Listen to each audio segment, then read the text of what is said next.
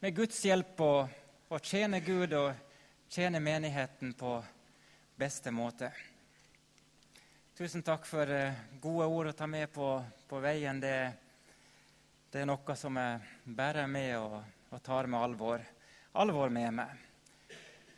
Og noe av det som, eh, som, du talte om, så det passer så bra inn i det som jeg opplever at eh, jeg ønsker å dele i dag som en fortsettelse og som en komplettering. Som jeg tenkte ja, men det her var jo helt fantastisk.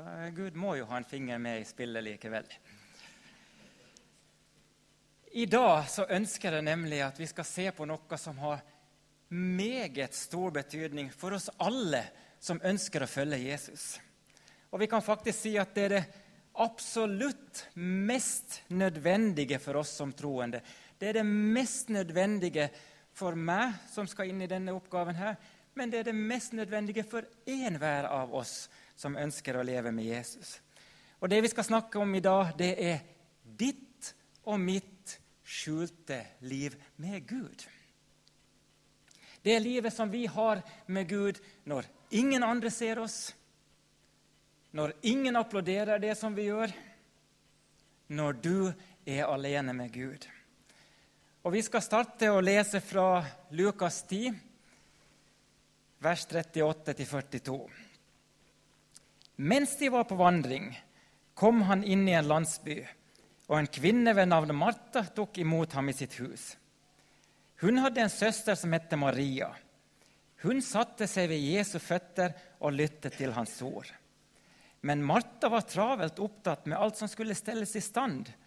Og hun gikk da bort til dem og sa, 'Herre, bryr du deg ikke om at søsteren min har latt meg bli alene med å tjene deg?' Si da til henne at hun skal hjelpe meg. Men Herren svarte og sa til henne, Martha, Martha, du gjør deg strev og uro for mange ting, men ett er nødvendig. Maria har valgt den gode del som ikke skal bli tatt fra henne. Og denne fortellingen her, den har både inspirert og den har irritert troende opp gjennom hele historien. Den har inspirert de som har en dragning til bønn og meditasjon, og irritert de som har en sånn sterkere drive til at vi må da få ting gjort her. Uten at Jesus på noen måte har satt disse to opp imot hverandre. Men hvorfor var det da et bedre valg hvis vi sier et bedre valg at Maria satte seg ned for å lytte til hva Jesus hadde å si, enn at Martha med sitt ivrige, hengivne, engasjerte og pliktoppfyllende hjerte hun tok ansvar for å tjene Jesus. Martha hun gjorde jo ting for Jesus, mens Maria hun bare satt der. Og Likevel så sier Jesus at Maria har valgt den gode del. Hvorfor i alle dager? Og Det første vi kan si da, er at du er kalt inn i en relasjon med Jesus, ikke et arbeidsforhold. Første Korinterbrevet 1, vers 9 sier Gud er trofast, og ved ham ble dere kalt inn i samfunnet med Hans Sønn Jesus Kristus, vår Herre.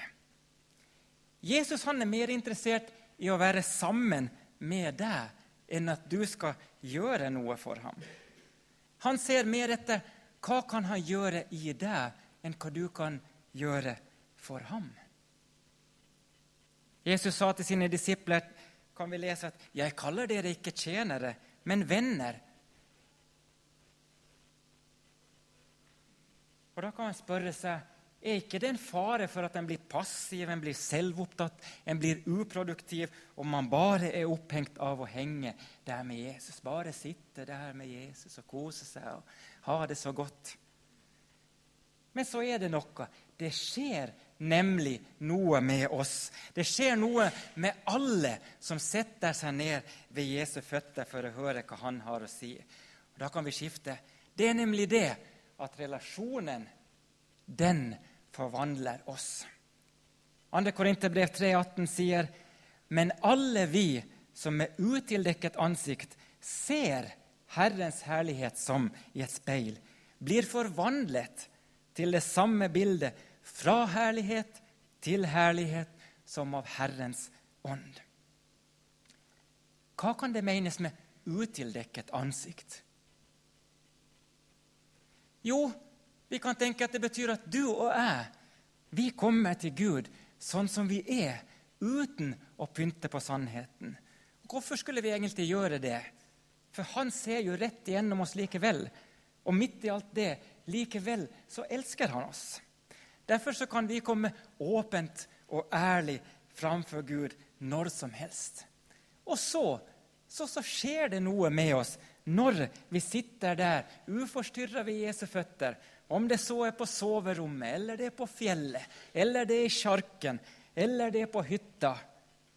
Når vi ser mer på Jesus, så forvandler oss Guds ånd til å bli mer lik Han. Når vi leser Guds ord, så er det, som Hebreabrevet skriver, levende og virkekraftig. Det er mer enn en vanlig bok. Det er Guds ord som har kraft til å forvandle oss, til å gripe tak i oss, til å ta tak i det mest hardbarka hjertet. Om du går litt tilbake i tid sånn i historien, så blir de troende kalt for lesere. Fordi de var så opptatt av å lese Guds ord. Fordi de kjente at de var avhengige av den kraft de fikk av tiden med Jesus. Og Jesus han sa det som Anne Margrethe nevnte, at de ord som han talte, de var ånd og liv og at han kom med levende vann som skulle gjøre slik at den som tørster, ikke skal tørste mer. Og så kan vi lese i Jesaja 12,3.: Dere skal øse vann med glede av frelsens kilder. Det finnes altså en kilde som kan slukke våre størst etter tilfredsstillelse og mening. En frelsens kilde. Og den finner du og jeg i denne relasjonen med Jesus. Men hva var det det står der i dette verset? Dere skal øse vann. Jesus han tvinger seg aldri på deg og meg. Han kaller på oss. Han inviterer deg. Men du og jeg, vi bestemmer sjøl om vi ønsker å slukke våre størst hos Jesus. Det er samme som når du er på en fjelltur, og tørst så kommer du fram endelig til en fjellbekk. Det er ikke sånn at bekken hopper på deg og angriper deg og kaster vannet over deg og slukker tørsten. Nei, du må sjøl øse ut av bekken. Kanskje til og med må du ydmykt falle på kne, bøye deg ned for å få tak i det styrkende vannet.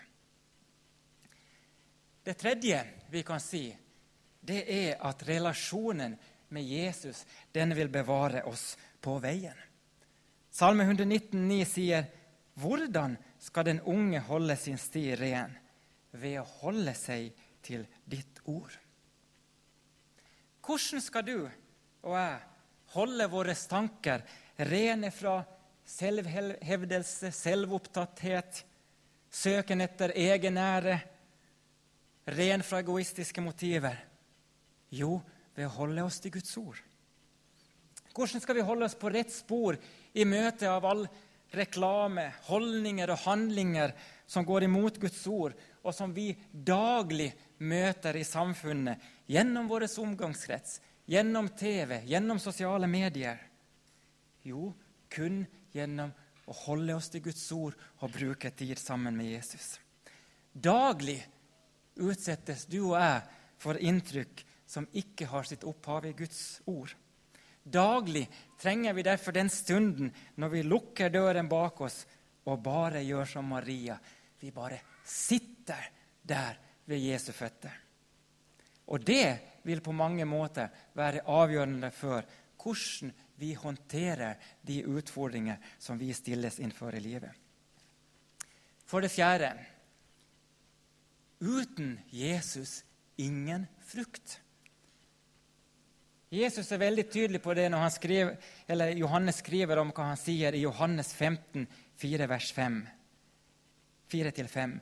Bli i meg, så blir jeg i dere. Slik som grenen ikke kan bære frukt av seg selv uten at den blir i vintreet. Slik kan heller ikke dere bære frukt uten at dere blir i meg. Jeg er vintreene, dere er grenene. Den som blir i meg, og jeg i ham, bærer mye frukt. For uten meg kan dere slett ikke gjøre noe. Og disse versene kunne jo i seg sjøl ha vært mange prekener. Det kunne vært mange ukers bibelstudier. Men merk Jesu ord igjen, som viser til vår frie vilje. Bli i meg, så blir jeg i dere. Det er altså ikke et tvang. Det er fri vilje, men det er en oppfordring som også har en klar konsekvens. Uten å være kobla til treet, så vil ikke grenen bære frukt. Om jeg kapper av en gren fra et epletre og henger den på veggen i stua Jeg har sett sånne interiørdetaljer. Folk har greiner på veggen og alt mulig sånn der. Så kan denne grenen fortsatt rope ut 'Jeg er et epletre'.